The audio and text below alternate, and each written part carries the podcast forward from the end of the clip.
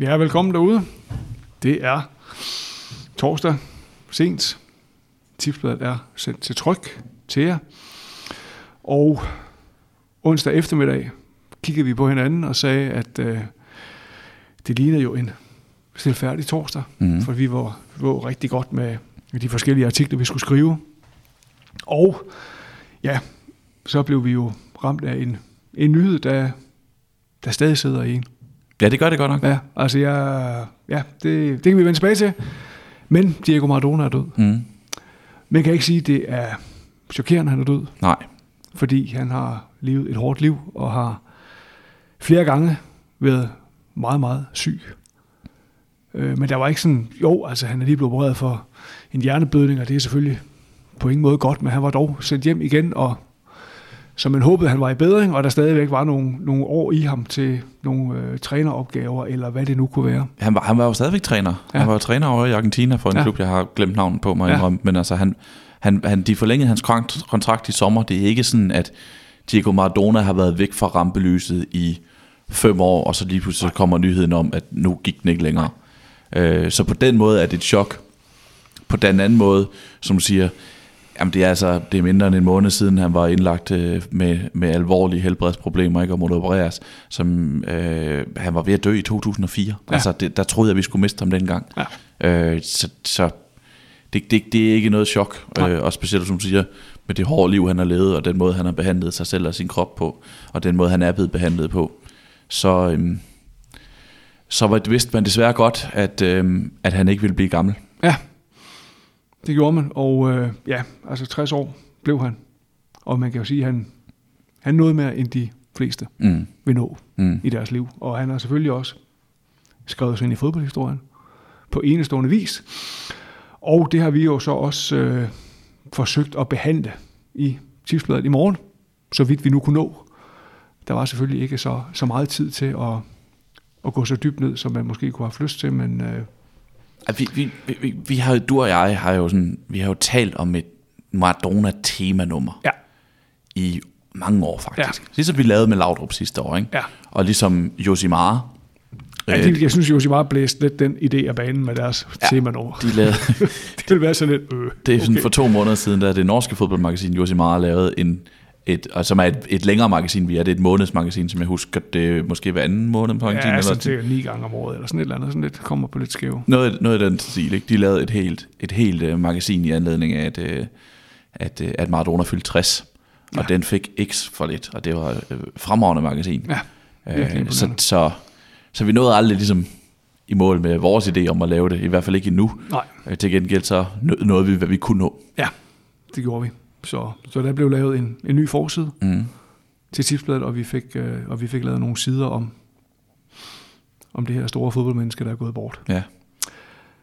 Og det var jo specielt, altså jeg, jeg sad her og, og skrev sådan nogle, altså sad og samlede nogle, øh, nogle mindeord om ham, som er blevet sagt rundt omkring, ikke også? Men når man sådan sidder og læser dem, ikke, man blev sådan helt, blev sådan helt grødet, ikke? Altså det var sådan, kæft, hvor var det bare stort i følelsesmæssigt perspektiv for så mange mennesker.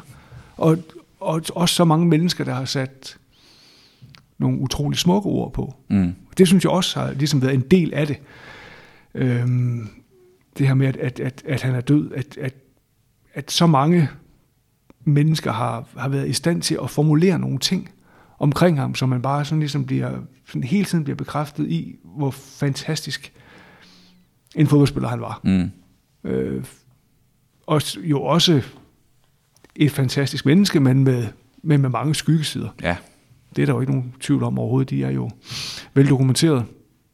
Så, så det er sådan, du ved, så man, man, har både været, man har både været ked af det, og samtidig så har man også sådan, så har man også sådan gået og tænkt lidt, hvor, hvor, er det dog, hvor er det dog fantastisk, som sproget kan bruges til at, at beskrive nogle følelser, som kan være svære at sætte ord på, men som jeg virkelig synes, der har været, været helt utroligt. Og for mange er det, for mange er det kommet spontant. Ja. Altså, det er fordi, vi vidste ikke, du skulle ske i går. Jeg ved, der er nogle aviser, som har, de har det er jo ikke nogen, det er jo en offentlig hemmelighed, at aviser har nekrologer liggende på, på de store personligheder rundt om i verden, ikke?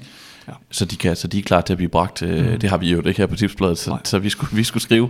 Øhm, men hvor mange der sådan spontant kan udtrykke et eller andet, som er rammende. Mhm. Øhm, og Og, og så synes jeg også med Maradona, at man ligesom mærkede, hvor stor han var blandt de største. Mm.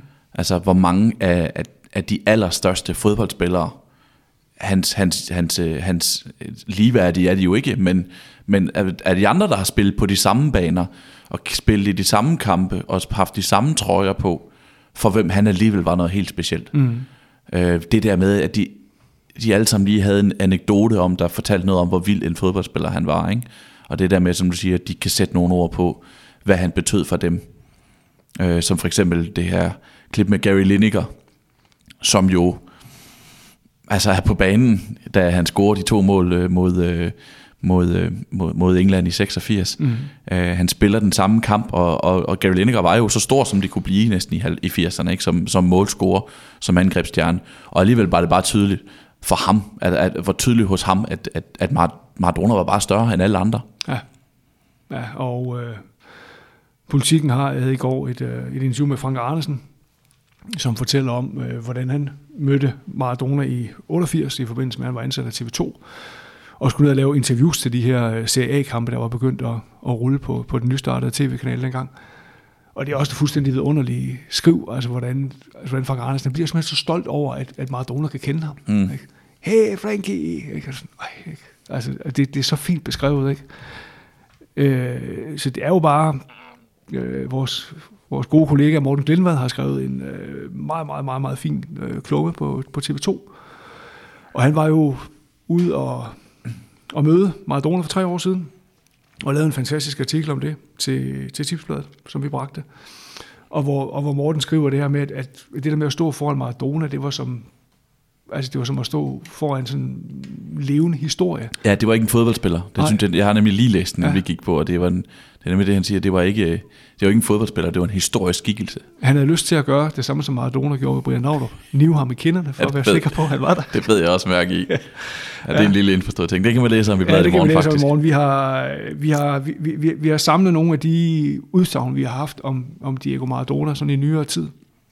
Og så har vi lige været en tur i arkiverne og finde... Øh, en sekvens fra øh, Per Højer Hansens øh, finalereportage fra VM i 86 også.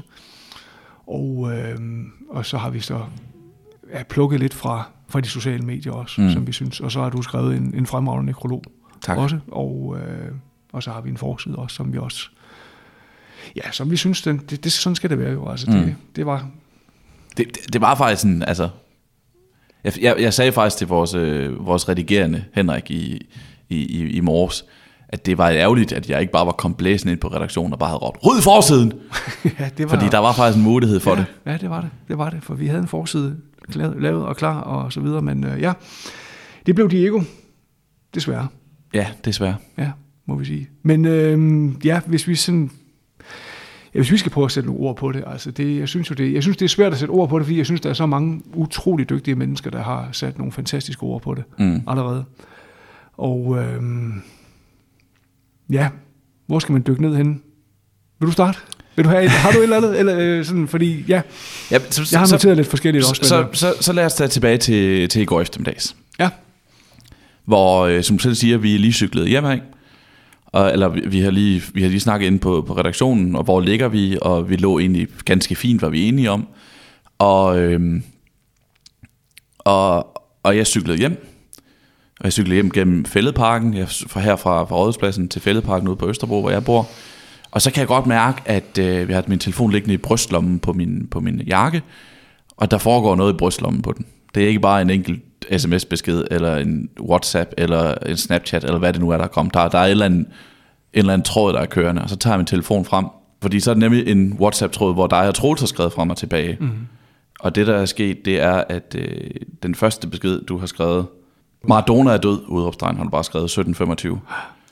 Og ej, jeg var oprigtigt tabt for ord. Altså, jeg skrev bare, fuck, mand. Ja. Og gjorde det endte med at gøre det samme på, på Twitter. Mm. Jeg bare skrev fuck. Og det virker som om folk godt fangede det. Det var jeg refereret ja, til. Ja, ja. Øhm, og jeg, jeg har været påvirket af det, synes jeg. Ja, altså, um, og hvilket faktisk kommer bag på mig. Fordi Maradona var jo ikke min spiller. Mm. Altså det, det, han er før min tid. Jeg har et minde om Maradona som aktiv. Og det er, det er ikke VM 94, som mange måske vil tro. Der var jeg ikke hoppet med på fodboldvognen endnu faktisk. Det er fra en gammel...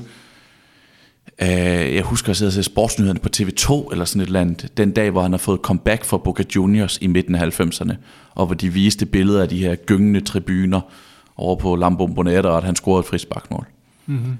Øh, det er det eneste minde, jeg har om Diego Maradona som aktiv. Ja. Så det er ikke min spiller. Nej. Og alligevel så påvirker det mig bare. Mm-hmm. Der, er, I går aftes gik jeg i gang med at skrive den her nekrolog, og jeg fik en sms fra en af mine kammerater, som er jævnaldrende med mig, som, som vi har jo det samme forhold til ham, øhm, som, som sagde, at det, det var alligevel vildt. Øhm, og det samme som det med, at jamen, det kan jo ikke komme nogen overraskelse, men det er stadigvæk godt nok trist. Mm. Og der sad jeg med tøj i øjnene, da jeg svarede ham. Og der var tidspunkter i dag, hvor jeg sad og skrev specielt afslutningen på min nekrolog, mm. hvor du ikke øh, skulle have talt til mig, for så tror jeg, var, så tror jeg, var begyndt at græde. Ja. Øh, specielt, uden at det var noget specielt, men den aller sidste linje, jeg skriver i nekrologen, mm. øh, der fik jeg tøj i øjnene igen, da, da jeg skrev den. Så jeg er bare blevet påvirket af det her. Ja. Fordi, fordi det var Diego. Ja. Altså det, det var jo sådan en, jeg tror, vi, tal, vi talte også om i foråret med Michael Jordan, som jo heldigvis gudskelov stadigvæk lever, men, men det, han har bare altid været der. Mm-hmm. Altså da jeg så bliver fodboldinteresseret der i 90'erne, i midten af 90'erne, øh, så ligger Diego, der allerede, Diego Maradona der allerede som en konstant. Man skal godt nok ikke være interesseret i fodbold i mange minutter for at vide, at ham her, det er måske den bedste, der nogensinde har været. Mm. Og, og, og det har jeg jo altid haft med mig. Altså, og jeg kan jo kunne se det. Særligt når... Øh, øh, Diego Maradona har også været sådan en, en person, jeg har, jeg har talt meget om på sociale medier.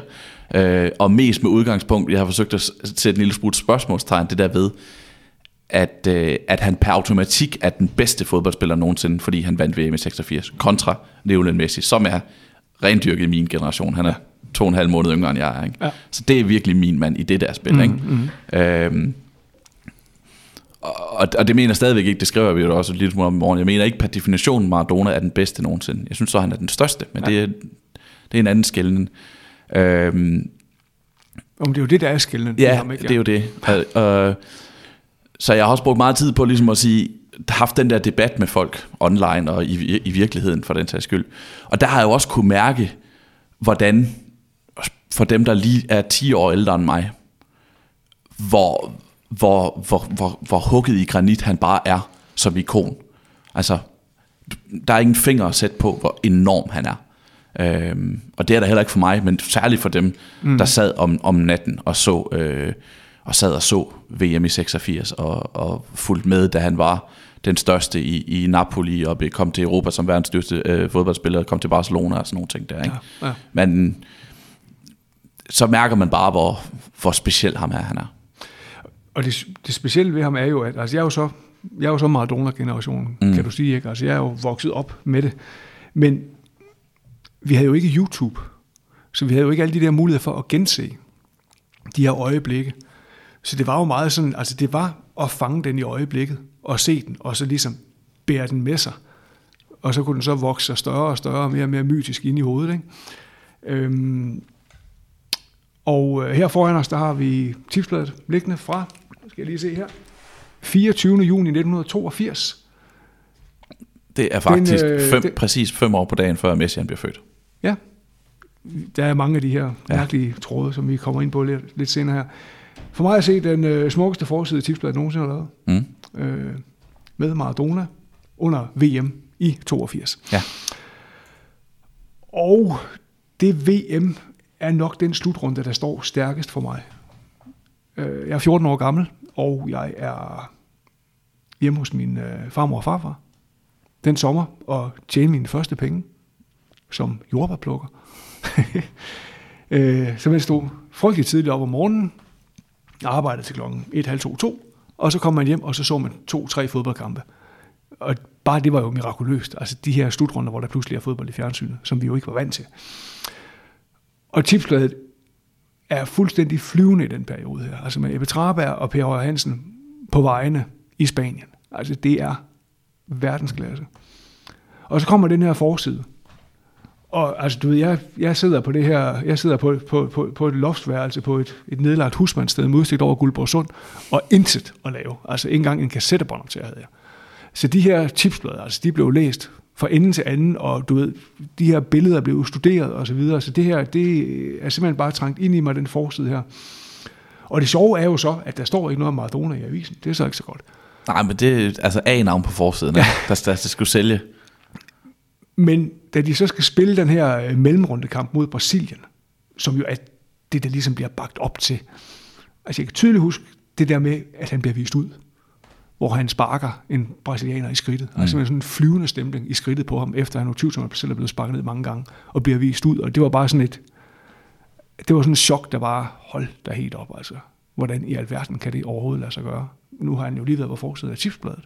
Det her kæmpemæssige fodboldtalent, som jo ikke var ret gammel på det her tidspunkt. Han er 22. 21. 21 kun, ja. Ja, det er rigtigt, han er fra efteråret. 60 selvfølgelig. Øhm, og så bliver det jo sådan en fantastisk slutrunde med Paulo Rossi og, og Brasilien og så videre. Så det kan vi lave en hel podcast om en anden god gang. Mm. Øh, så det er sådan min første, det er sådan min første Maradona-ting. Og så Ja, og det er nok den, der står stærkest for mig, synes jeg. Altså, jeg, har, jeg kan så selvfølgelig øh, kvartfinalen ved VM i, i 86, men kan ikke rigtig huske, om jeg var mest rasende over det her med hånden, eller mere imponeret over dribleturen, eller jeg, som jeg husker det, så holdt jeg mig England. Mm. Øh, jeg har altid haft noget med Argentina, sådan, jeg har aldrig sådan været stor fan af deres landshold tilbage fra VM i 78, hvor de vinder over Peru, og de med 6-0 i en afgørende kamp, og de slår Holland, og det var en tragedie, og Rensenbrink, og alt det her. Øh, så jeg har aldrig rigtig sådan været, været, været på dem, så derfor har jeg måske mere været irriteret over ham, end jeg har været imponeret over ham der i 86. Så kommer så det der Napoli, som jo er altså sådan helt vildt. Altså den her, øh, den her fantastiske dokumentarfilm, som Asif Kapadia han lavede i sommeren 19, som vi så Ja. med redaktionen. Vi var fire mand afsted og se den. Og det her forløb, øh, som, jeg, som jeg ikke havde, ligesom havde fået sat i rammen, før jeg så filmen, altså, han vinder VM med Argentina i 86. Selvom man ved, at han har en højgravid elsker inden derhjemme. og en kone, som han elsker højt. Og han kommer tilbage og bliver så far til den her søn i september 86. Hvorefter han bliver far til sin første datter med Claudia, hans kone, i april 87. Og så gør han lige Napoli til mester for første gang i historien. Og så vinder de også lige pokalen. Mm. Altså, wow.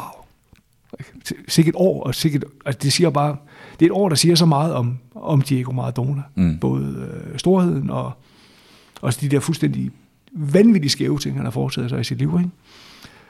Så øh, ja. Og så var jeg også til VM i, i Moskva, og, og se den her berømte kamp mellem øh, Argentina og Island, hvor han dukkede op på tilskuerpladserne bagved. Men det var så stor en kamp, så der var så mange indtryk, men det var helt klart et af dem. Men det var en, en sindssyg dag, så øh, ja. Hvad, hvad husker du egentlig tilbage fra? For, fordi når jeg tænker tilbage på det, specielt i det, i hvad vi, altså at han nu er død, så tænker jeg, så er det blevet mere og mere trist. Altså fordi han virker så ud af kontrol der. Ja. Altså, hva, hva, du var der, så hvordan tænker du tilbage på, på, på, på Maradona under, under VM 2018? Jamen, jeg så, jeg var der jo kun til den første kamp, Ja, og der var han jo en fest. ja, Og der var det jo, altså der var den her, øh, den her vidunderlige banner bag mål med, øh, hvordan er det Maradona som Gud, og Michelangelo, og giver bolden videre til Messi, du ved. Den Ja. der, den Ja. er ligesom lavet sådan en, det er, det er, en, en kopi af det der med, med, med Gud. Og, er det på det 16. kapel? ja, det tror jeg, det, er. ja. det tror jeg, det er, ja, hvor, man, hvor det er Maradona, der ligesom giver den videre til Messi. Ja, Og så det, at Maradona sidder bag mig, og Messi spiller foran mig. Ja. Altså, det var sådan, puff, ikke altså. Og så står der en målmand fra Randers, og Ragnar Sigurdsson løber rundt derinde, ikke? ja. Og, ah, men det sikke en dag i fodboldverdenen. Øh, Danmark spiller samtidig deres første VM-kamp, og William Kvist får punkteret lungen, og altså, jamen, Det er rigtigt. Hold kæft, der skete meget den dag. Det var helt vildt. Og lige landet i Rusland. Og, ja, nå. Øhm, så det var først bagefter, at han ligesom... Altså, jeg tror, han er kommet over i god form, og så er det gået galt, ikke? Altså, så, du ved, han fik jo et blackout til en af kampene, ikke? Og Jeg kan, godt, rigtigt, jeg kan godt ja. huske det der han sad og røg en cigar og sådan noget, hvor jeg sådan tænkte, må man det? Det må man altså, helt givet det er ikke, Maradona. men det må han Så- gerne. Altså, Altså, han, han sad så langt væk fra mig, det var ikke noget, der generede mine pressepladser. Han, øh, under VM 2010, da han var træner for Argentina, der var der jo det der klip, hvor han spillede med til en af træningerne i sådan en lille mørke, mørk træningsdragt, som jeg husker det. Mm. Og der havde han en cigar i munden, mens han driblede rundt derinde på banen. Ja. Altså. Så, så ja, Diego Mar- Maradona må gerne ryge, når han er til VM. Ja, det må han. Så, øh, så ja, på, den, altså på den måde er der jo mange indtryk øh, fra hans liv, som har sat sig i en, ikke? Øh, som er, er specielt. Mm. Øhm, og altså mit favoritklip med ham, det, det, fak- det er faktisk ikke et fodboldklip. Øh, det er den her virkelig dårlige film, øh, Maradona by Kusturica. Det hedder nok ikke Kus- Kusturica, eller jeg ved ikke, hvordan man udtaler hans navn. Det ved jeg heller ikke. Den her bosniske filminstruktør. Mm. Der laver en film, der handler mere om ham selv end Maradona. Men øh, der er alligevel en sekvens i den, hvor, øh, hvor han sidder, hvor, hvor filmholder er med på en lukket bar, og der er et band, og, så, og, og Maradona sidder ved et bord med sin familie. Og ja, baren er lukket, jeg ved ikke hvorfor, men øh, de er bare der. Og så begynder bandet at spille den her sang, som handler om Maradona, og, øh, og så kommer han, han kommer selv med op på scenen og synger sangen. Og synger sangen for sin familie, som kommer med op og synger. Og det er bare, ja, det er et fantastisk klip. Jeg kan huske, jeg lavede en- stille trænersnak med, med Kasper Julemand en gang, hvor han fortalte om sin egen oplevelse af at være over at se øh, Boca Juniors spille en kamp, og, og den der med, hvordan, øh, hvordan Diego Maradona han stod op i sin loge med cigaren igen, og ligesom dirigerede hele stadion. Ikke? Altså dirigerede, hvordan lyden skulle køre på stadion med den her cigar. Og det havde vi en god snak om, og, og så sendte jeg ham det klip. Fordi det var ligesom min Maradona-ting. Ja. Så han svarede aldrig. Men øh, jeg håber, han har set det. han, øh, ja, det, det, er jo, det er jo noget ved det der med Maradona, som jeg også synes, jeg træder tydeligt frem, at han er fodboldfan. Altså, hvor meget fodbolden betyder for ham. Ja, for Maradona. Ja, for Maradona. Jamen, det, Altså netop det der med, at, at han, han, han, kom til, han kom til Boca Juniors kampe og havde sin egen loge på stadion og kom, og, og det var ikke kun, altså det var ikke kun for at blive set, vel? det var også fordi fodbolden løber bare i blodet på ham. Nå, men jeg tror, altså det var jo ligesom, øh, altså ligesom med Michael Jordan, som vi har nævnt nu, ikke? Altså, som jo havde det der med, at, at de der 48 minutter inde på basketballbanen, der er jeg fri. Mm. Og sådan tror jeg også, han havde det. Altså det var i fodboldverdenen, han var fri. Og selvfølgelig allermest, at han kunne få lov til at spille selv. Men også ligesom at træde ind i det her teater, hvor han ved, at han er hovedpersonen, og alle elsker ham. Mm. Altså, hvorfor vil man ikke gøre det? Og så var der alt det andet, der sejlede rundt i hans liv, ikke med skattegæld og, og kokainmisbrug og, og børn uden for ægteskab og alle de her ting, ikke? som jo også har været med til at, at gøre ham til den her mytiske figur, fordi han jo både har øh, solen og skyggerne mm. I sig. Øh, så ja, hvad har vi ellers omkring ham? Øh, Vi, vi, Altså, jeg, det, igen, altså det, det, der er så mange, der har skrevet om ham. Ikke? Altså, nu faldt jeg lige over, jeg sad og læste øh, engelske The Times, og deres øh, football chief writer, Matt Dickinson, han har simpelthen en Maradona-bog på vej. Maradona Opus, der skal komme til marts. det har Guillaume Balage også, Han har også en på Ja. vej, ja. som tidligere skrevet om Messi, Ronaldo, ja. Ronaldo og Pep Guardiola. Ja, den kommer til marts, den her. Og Matt Dickinson skriver, at, øh, at det tog tre ture over Atlanterhavet, før han faktisk mødte Maradona til den aftale, de havde. og det er jo helt... Men det siger også bare noget om, hvor stor han er, ikke? At, at jamen, så tager jeg sgu afsted igen. ja. Nu siger han, at han er der. ja. Og det, altså ja, det er... Var det ikke noget, altså jeg mener, det er nogenlunde det samme med dokumentarfilmen. Ja, de kæmper også virkelig for at, at få ham. Ja. i tale. Ja, men får det. Og, og første gang er ikke god, som jeg husker det. Mm. Og anden gang, der, sætter, der rammer de ham, og der sætter han sig ned i to timer, ikke? Og de bruger det jo genialt, fordi de filmer jo ikke på ham. Det er jo ikke sådan, at vi har Maradona siddende som en ældre mand i en lænestol, der fortæller. Han speaker de her vidunderlige billeder. Mm. Så ja, et scoop uden lige. Vi har anbefalet den før, Ja. men den skal, I- den skal I simpelthen få fat Den i. ligger på DR. Det er godt, Jeg du har lige, tjekke. du nåede lige ja, at tjekke. De har, de har lige lavet nyheder på, at den ligger der, så man Det kan gå er og se et- det. det. Hvis man ikke har set den, og man gerne ligesom vil, vil mindes den, den største. Ja, eller hvis der sidder yngre lyttere, Ja. som ikke har noget forhold til ham, udover, fordi at udover det var ham, Thorsten fra VM 2018, Mm. øhm, så, så, så finder man ud af der, hvad, det, hvad der var, der gjorde ham stor og gjorde ham til noget specielt. Ja. Det, jeg, jeg var jo i Argentina for, for to og et halvt år siden, og der fylder han jo rigtig meget. Men jeg snakkede også med, med, med, med en yngre gut, som sagde, at han på, for deres generation lidt var blevet et meme. Altså forstået på den okay. måde, at, øh, at de var for unge til at kunne huske. Altså de, de har selvfølgelig set klippene fra 86, men de var der ikke. Men de var der til gengæld nu, hvor han, er, eller hvor han var blevet en ældre mand, og VM kan i 2010 som træner, og ham der sidder på et, øh, på et pressemøde, der Argentina har kvalificeret sig til VM og siger, sut mig til journalisterne. Ikke? Altså, ja. så, så, for, så selv i Argentina er der nogen, som ikke forstår ham. Øhm, men men ja. den dokumentarfilm kan overbevise alle, tror jeg. Ja, det tror jeg. Og så er den jo også, ja, dopingdommen i 98, ikke, hvor han scorede... Det 94. Mod, 94. 94, ja, ja, hvor han scorede mod Grækenland. Mm. Og det man blev udtaget til dopingprøven, ikke? Og han ved bare, at han er fucked, ikke? Mm. Og så går han ud med hende, den unge dopingpige i hånden, ikke? Og han ved bare, at, at han er smadret. Ja. Altså. ja, det er... Og så er det jo alle trådene til ham, fordi han er så stor en person, som vi snakkede om. Altså bare den her udgave af tipsbladet, som vi havde lavet, og som var klar, før den her triste nyhed kom i går aftes. Mm. Hvor vi jo i dag sidder og sådan siger, der er jo også nogle tråde i vores avis her. Ja. Du har lavet øh, vores faste element, tipsbladet Retro. Ja, og den er sådan, øh, tipsbladet Retro er fra 2005, mm. og den, øh, den handler ligesom om det her med, at, øh, eller, at øh, historien, der bliver fortalt der, det er, at der er Ballon d'Or gala i, i Paris, og tipsbladet journalist Niels Jørgen Larsen er dernede, men det ligesom bliver også lidt afviklet i skyggen af, at det er sådan 50 års jubilæum for Ballon d'Or, så den, har, den får ikke for lidt med kendiser og star quality og så videre. Mm. Men den bliver også afviklet lidt i skyggen af, at George Best lige er død. Mm. Og det gjorde George Best, han døde den 25. november 2005. Ja. Præcis på datoen, 15 år senere, dør Diego Maradona. Ja. De her to gudsbenåede talenter, som kunne det samme på en fodboldbane til på mange områder. Ikke? Det der med bare at glide forbi en mand, som det passede dem, men som også kæmpede med de samme, samme, mange af de samme ting ja. uden for banen. Ja, det var bestemt de samme dæmoner, der var, at den ene var, den ene var kokain, den anden var alkohol, ikke? Mm. altså, de var jo begge to hårdt ramt af det. Øh, og jeg har lavet to sider om Sheffield United, og øh, det er jo en af de her vandrehistorier engelsk fodbold, men som er rigtig nok, at øh, Sheffield United forsøgte faktisk at købe Diego Maradona i 1978. Historien er det, at øh, deres manager Harry Haslam tager til Argentina efter VM. Fordi altså VM er lige blevet, altså Argentina er lige blevet verdensmester. Så det er jo simpelthen, okay, vildt. Og, og der er begyndt at blive åbnet for udlænding engelsk fodbold igen.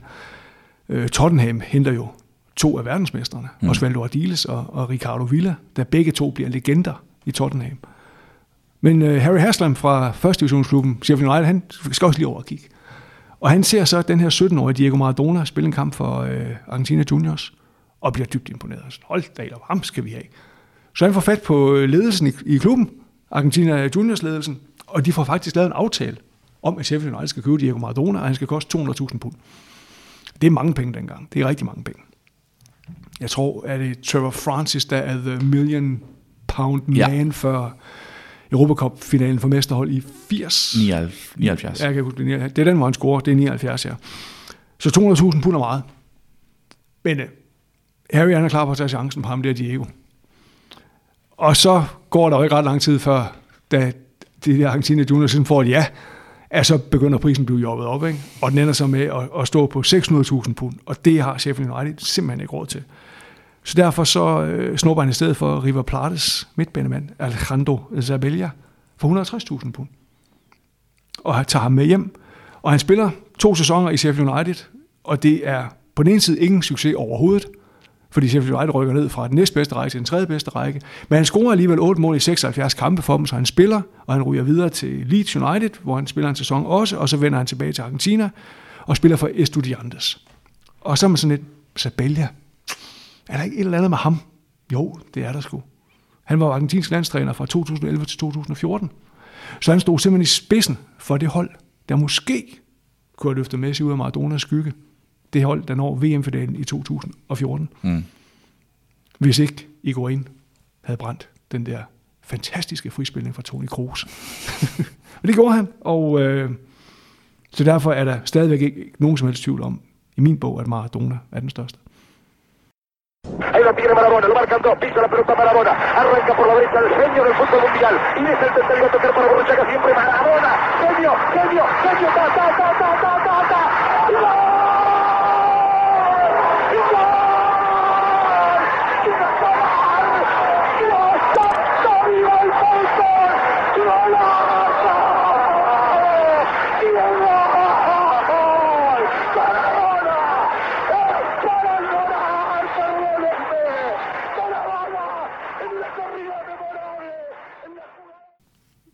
Vores oprindelige plan for det tipsblad, der skulle komme på gaden i morgen, inkluderede vores faste element, ugens profil. Mm.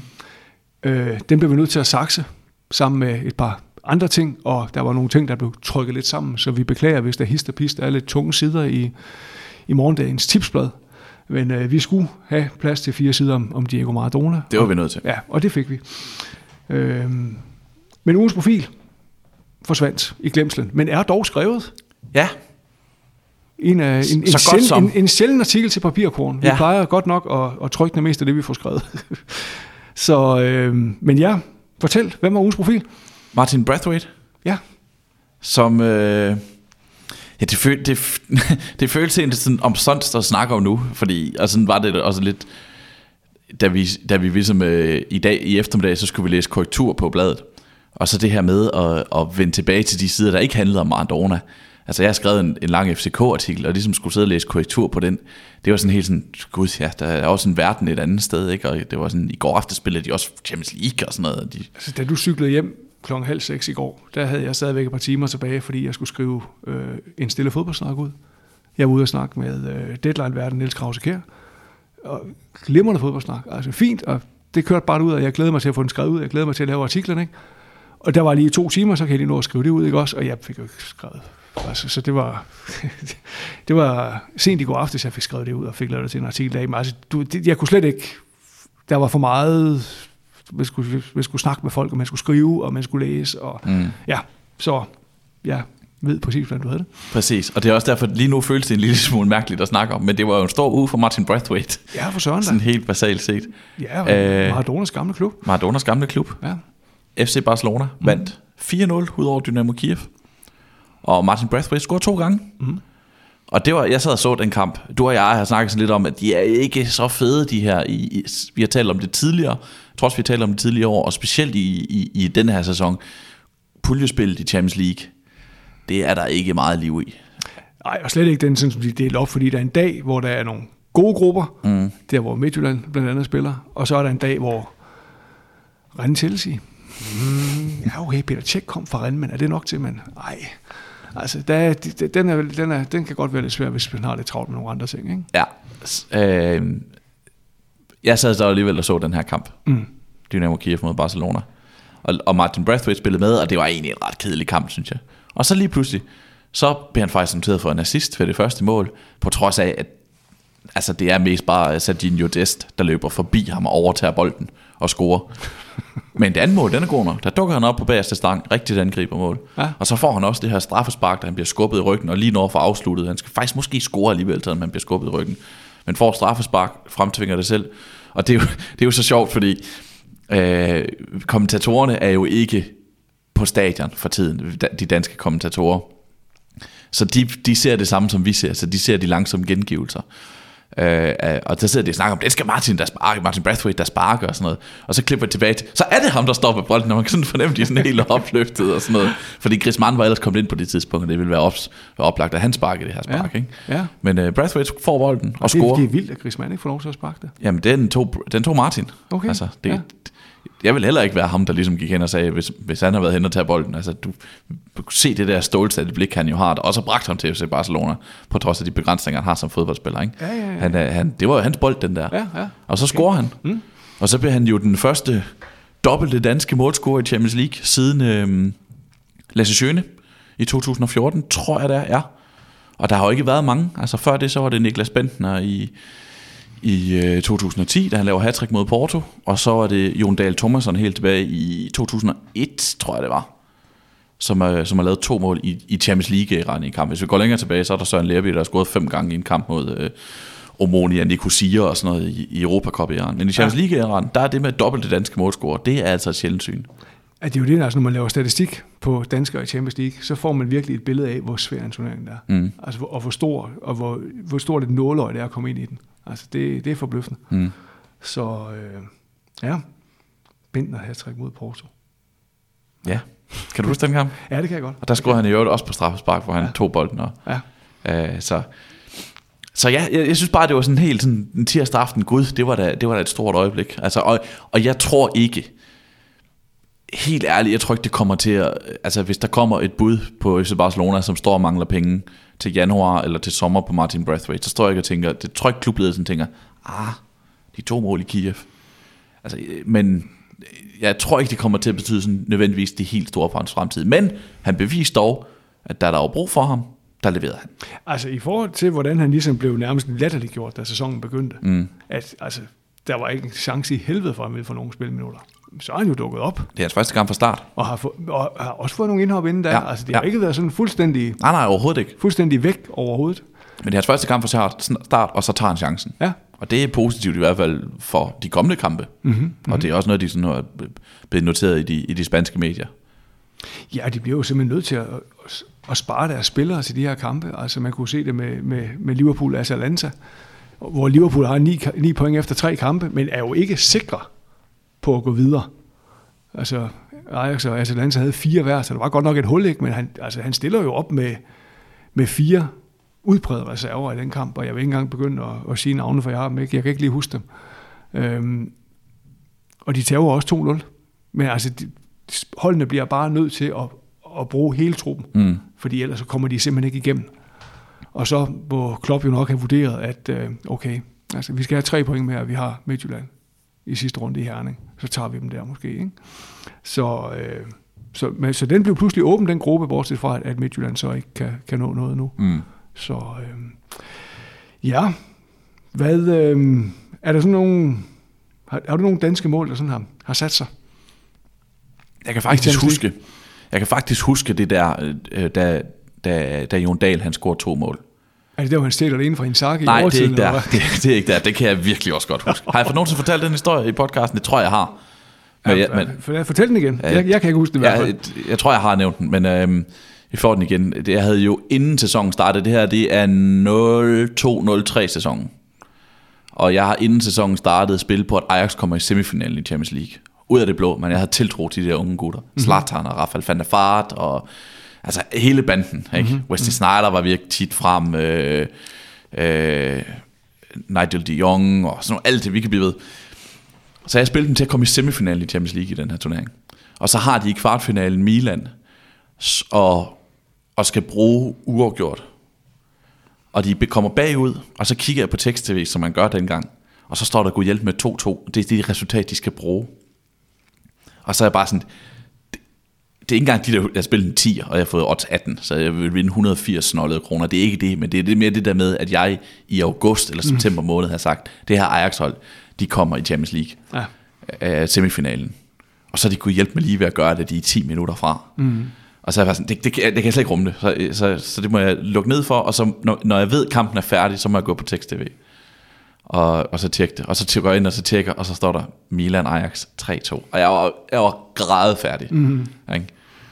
Og så går jeg ind, og så kigger jeg på det der side 260, hvor man kunne se seneste målscore, og så står der 90 Jon Dahl Thomasen, ja. Thomasen som målscorer. Og så var jeg sådan, det føltes som, som jo, altså som landsforræderi mod mig, at Jon Dahl han har scoret det mål. Og på trods af, at det så viser sig, at han jo faktisk stjal mål, så det var jo måske egentlig en Saki, som skabte mål, jeg burde være sur på, så gjorde det kun endnu værre, ja. at han har stjålet ja. det mål. Ja, I, i, der var et godt års tid, hvor jeg, var, hvor jeg, var, hvor jeg simpelthen ikke brød mig om Jon Dahl. Jeg tror først, det da han laver øh, to mål mod svenskerne ved, øh, ved, ved EM 2004, at det ligesom siger, okay, så, han så er vi på god fod igen, Ja, ja. Jon.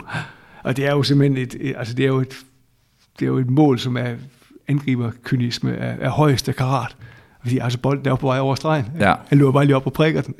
Jeg mener, han sagde noget med, at han var bange for, at den ramte stolpen eller sådan et eller andet, men det passer jo ikke. altså Inzaghi må have været rasende Ja. ja. bagefter. Jamen, jeg, jeg, ja, men han jublede jo også bare, som om det var hans mål, som jeg husker Ja, det. ja, ja, det. Det kan også være sådan angriber fornægtelse. Det, der, det var mig, der scorede. Ja, ja. Så pyt med øh, Jon, han. bagefter så Inzaghi, ikke? Altså, født offside, men han talte fandme også sin mål. Ja, Det er der ikke nogen som helst tvivl om. Men, øh, men det var faktisk ikke det mål, jeg tænkte på. Jeg tænker på det der, da han bliver dobbelt målscorer. Mm. De, de spiller en kamp nede i, øh, i Rom mod Lazio, Feyenoord. 2001, ja, det må det være. Er Bagud, øh, bagud 1-0. Og så i de sidste, jeg tror det er de sidste 10 minutter, så banker han lige to mål ind. Ja. Og så vinder de 2-1. Og det der med, at der var en dansk angriber mod, som mod Lazio, som var en kæmpe klub, med den ene superstjerne efter den anden, lige kunne gå op og vinde en kamp for et hollandsk hold. Det kan jeg huske, det var, det var stort, fordi netop som du siger, det sker altså ikke særlig tit. Men, mm-hmm. men Jon Dahl, han kunne, og han er jo også, vi sidder, jeg sidder med listen her, den klart mest scorende dansker med, med 11 Champions League mål. Ja, det er jo ikke mange. Det er jo ikke mange. Nej, altså det er, det er, det er en sindssygt svær, svær liga at, at komme med i. Er der nogen, du, du husker? Ja, men jeg, jeg har nok... Øh, jeg havde jo den her fantastiske serie øh, i øh, foråret 2007, hvor jeg var en weekend i England, eller nok længere tid inden, at og forskellige interviews, men en del af min tur derover gik ud på, at jeg skulle se Manchester United mod Milan på Old Trafford, og så se øh, Chelsea-Liverpool bagefter. Og, øh, og det, var, det var to kæmpe store kampe, og øh, United vinder 3-2, og Chelsea vinder 1-0. Men så i den i returkampe, som jeg så ikke ser live, men som jeg ser i fjernsynet, der får Daniel Akker rettet op på det. Og øh, scorer med det her flade skud fra kanten af feltet. Og øh, Liverpool vinder 1-0, og den går i straffespark, og det kan jeg ikke lige huske, hvordan det forløber, det er vist noget med Chelsea, de brænder det Mm. meste. Øh, så Liverpool kommer i finalen i Athen. Det mål kan jeg faktisk også huske. Ja. Meget tydeligt, og jeg, og jeg så det ikke, kan jeg huske. Mm. Jeg kan huske, at jeg var, det, var en, det har været en onsdag, for det var der, de blev spillet, de kampe der. Af en eller anden grund var vi oppe, øh, oppe at besøge mine kusiner. Mm. Og jeg ville gerne se den her fodboldkamp, men det var der ikke lige stemning for på det tidspunkt. Så vi får ikke tændt for kampen start. Og da vi så tænder, så står der 1-0 til, til Liverpool. Og så kan jeg huske, at jeg siger til dem, der ligesom er omkring mig, hvis det er Daniel Akker, der har scoret, så bliver jeg altså sur. og jeg ved ikke hvorfor. Jeg ved ikke, hvorfor jeg havde den forudanelse. Fordi hvis jeg så kigger ned over listen her, så har han scoret ét Champions League mål. Ja. Ikke? Og så gik vi på tekst-tv, som man gjorde i 2007, mm, mm, mm. og så var det Daniel Akker. Og så tror jeg ikke, jeg blev sur, fordi det ligger, har jeg trods alt ikke i mig. Men det var fandme irriterende, at jeg ikke så det der live. Til gengæld kan jeg jo huske præcis, hvad jeg sagde til dem, fordi jeg ikke så det live. Ja, ikke? ja. Og så var det jo fascinerende det her også med, at, at, at, at de kommer så i finalen i Athen, som jeg er nede at se. Og, og hvor de så taber til, til Milan med 2-1. Inzaghi scorer to. Og Benitez får skiftet Peter Kraus for sent ind, og så videre, og så videre, og så videre. Øhm, og der kommer Akker så bagefter i mix zone, og jeg, og jeg kan sådan huske, altså han var ærgerlig, men han var også sådan lidt, jamen jeg tager den næste gang. Ikke? Fordi Liverpool havde været i Champions League-finalen i 2005, som de havde vundet, og de var i Champions League-finalen i 2007, som de så tabte til Milan igen. Ikke?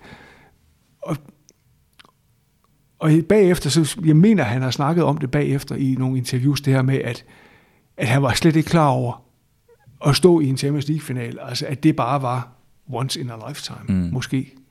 For det blev det jo. Og øh, så det, det kan jeg sådan tydeligt huske, den der fornemmelse af, at vi står derude i en mørk aften nede i Athen, ikke? og han kommer gående der med, jeg husker Robbie Fowler, han kom slæbende med sådan en ordentlig sæk bolde, han var ikke kommet ind overhovedet. øh, ja, så, så det, men ja, lige den der sekvens med den måned der, hvor han jo så scorer det her fantastiske langskud, det, det står klart.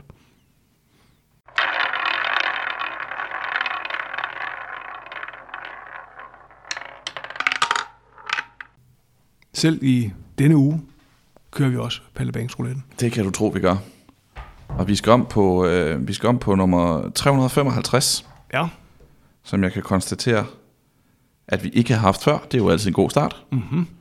Og nummer 355, det er Knud Pedersen. Knud Pedersen. Ja, Jeg tror sgu ikke, vi kan finde en tråd til Maradona her. det tror jeg heller ikke.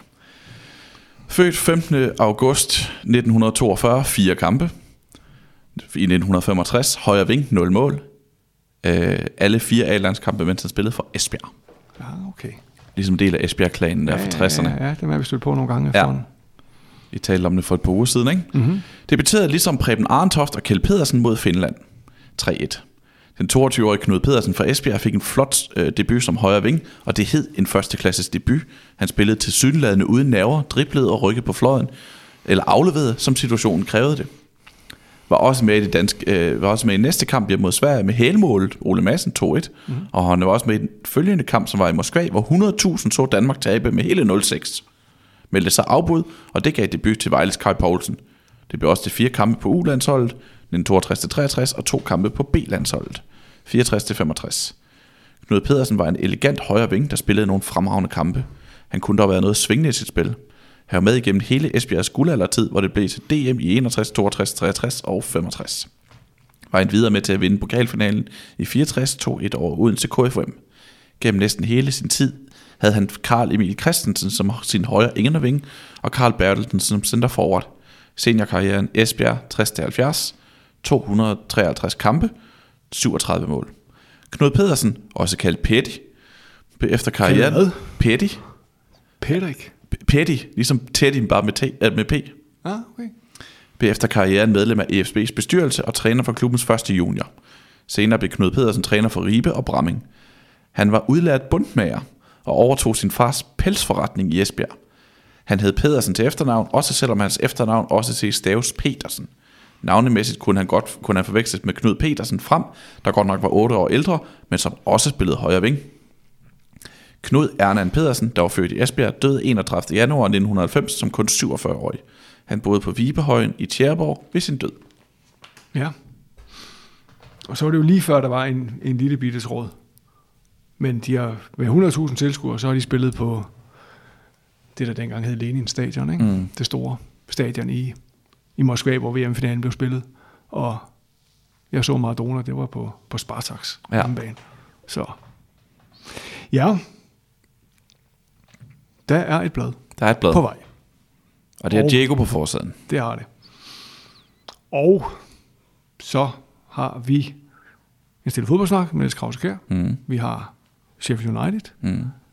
Vi har, du har lavet FC København. Ja, på baggrund af, af den øh, kamp, de spillede i, i, i mandags, ja. Som føltes som ugens mest monumentale begivenhed i, dans, eller i, i fodboldverdenen, ud fra vores stol nærmest. Nej, det var vel nærmest som søndagen. Med, med, interviewet med Ståle-interviewet, ikke? ja. Og så Øh, kom, og så kom den, her, den her bagefter kamp som oveni. del, del 2. Ja. Men øh, nu føles det sådan lidt specielt, men den her kamp Det var... føles som om, det er lang tid siden. Ja, det, ja, sådan vil jeg hellere sige det. Ja. Det, det, det er rigtigt. Det føltes som om, det var meget lang tid siden. Men ja.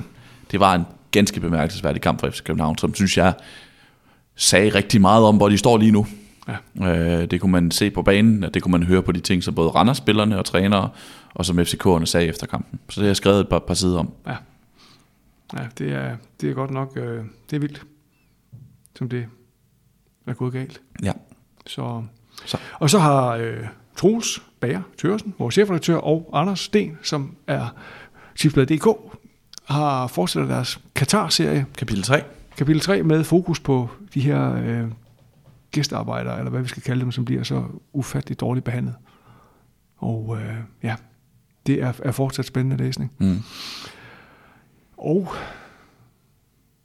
har vi... Ja, så, vi har jo bådedrag også. Vi har både ja, ja, bestemt. Ja, Dan Hammer og Mads Davidsen. Deres nye øh, bog om, om ledelse i fodboldens verden. Ja. Bestemt interessant. Ja, om, øh, om trænerfyringer. Mm. Og, Og effekten af det, eller mangel på Om samme. det er godt eller skidt. Jeg har snakket med Kjartan Finnbogersson, som øh, er klar igen efter en måneds pause på grund af en karantæne for et rødt kort. Og han er klar for AC Horsens mod Vejle, det store lokalopgør, på de kanter. Og Kjartan Finnbogersson har jo spillet i Vejle indtil for et par måneder siden. Så det er en spændende kamp for ham, og en spændende kamp for Horsens, og en spændende kamp for Superligaen. Så øh, ja, der er masser at læse i tipsbladet i morgen. Det siger vi altid, men, men det er der virkelig i morgen. Mm. Fordi som sagt, vi blev nødt til lige at presse lidt på tingene, så vi kunne få Diego ind, og det skulle vi bare have, og det kom han. Og øh, ja, der er vel ikke så meget andet at sige end øh, ja, det, der står på forsiden. Farvel Diego, og tak.